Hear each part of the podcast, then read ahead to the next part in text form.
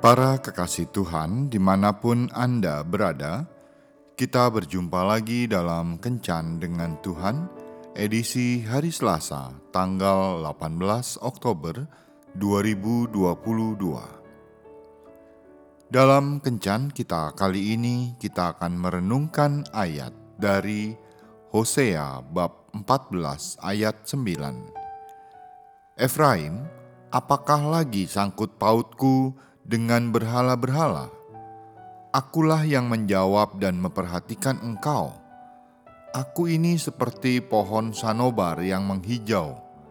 Daripadaku engkau mendapat buah.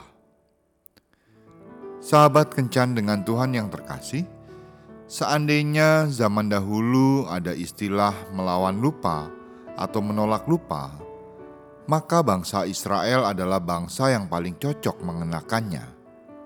Ketika menghadapi persoalan, bangsa Israel sering kali melupakan berkat Tuhan yang luar biasa yang sudah mereka terima sebelumnya. Misalnya, ketika mereka terlambat menerima berkat air, mereka melupakan akan kemurahan Tuhan yang telah mereka rasakan saat mereka keluar dari Mesir. Ketika mereka menerima makanan, yang menurut mereka membosankan. Mereka melupakan bahwa makanan itu merupakan berkat Tuhan yang membuat mereka hidup. Hosea 14 ayat 9 menjelaskan tentang pernyataan Tuhan untuk melawan lupa atau menolak lupa dari bangsa Israel.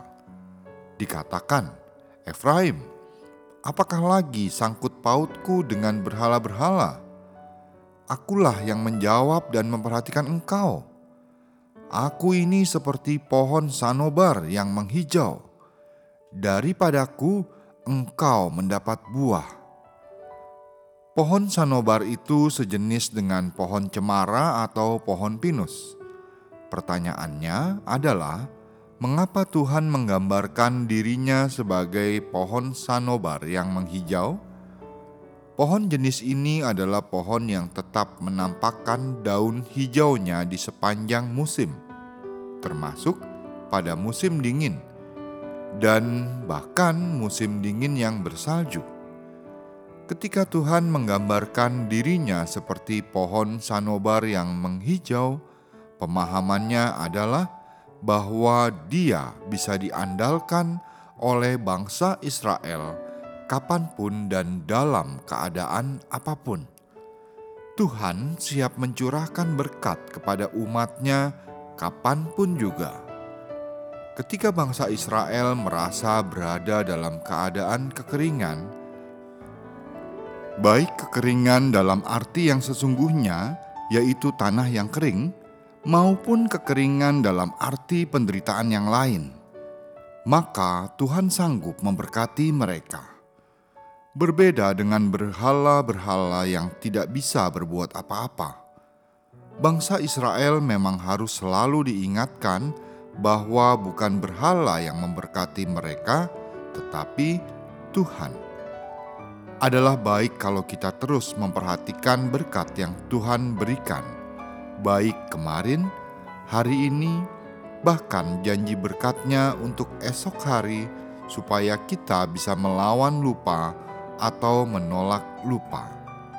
Berkat Tuhan yang sudah Dia berikan memang tidak bisa kita hitung semuanya.